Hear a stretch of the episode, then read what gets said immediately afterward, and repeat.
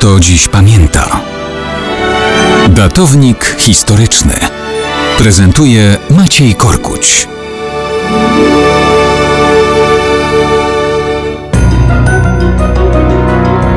Mało kto dziś pamięta, że 18 listopada 1307 roku życie pewnego chłopczyka zawisło na włosku.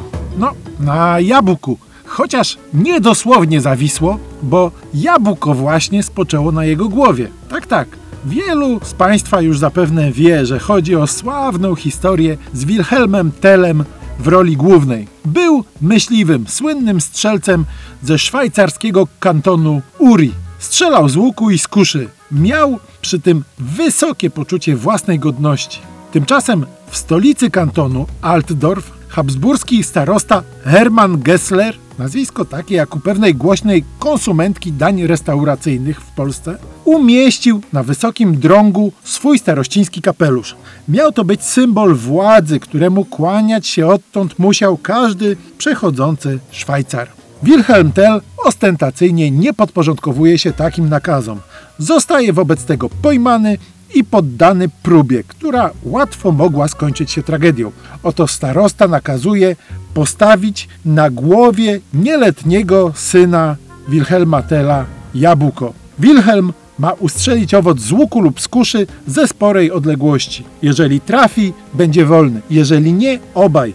I on i syn odpowiedzą za zniewagę habsburskiego urzędnika gardłem.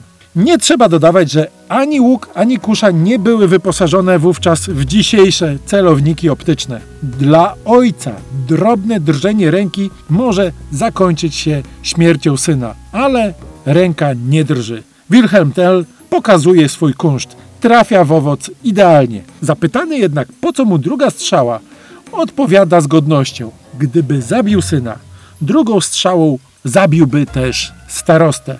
Ten wściekły skazuje go na dożywocie. Jednak Tell ucieka z transportu.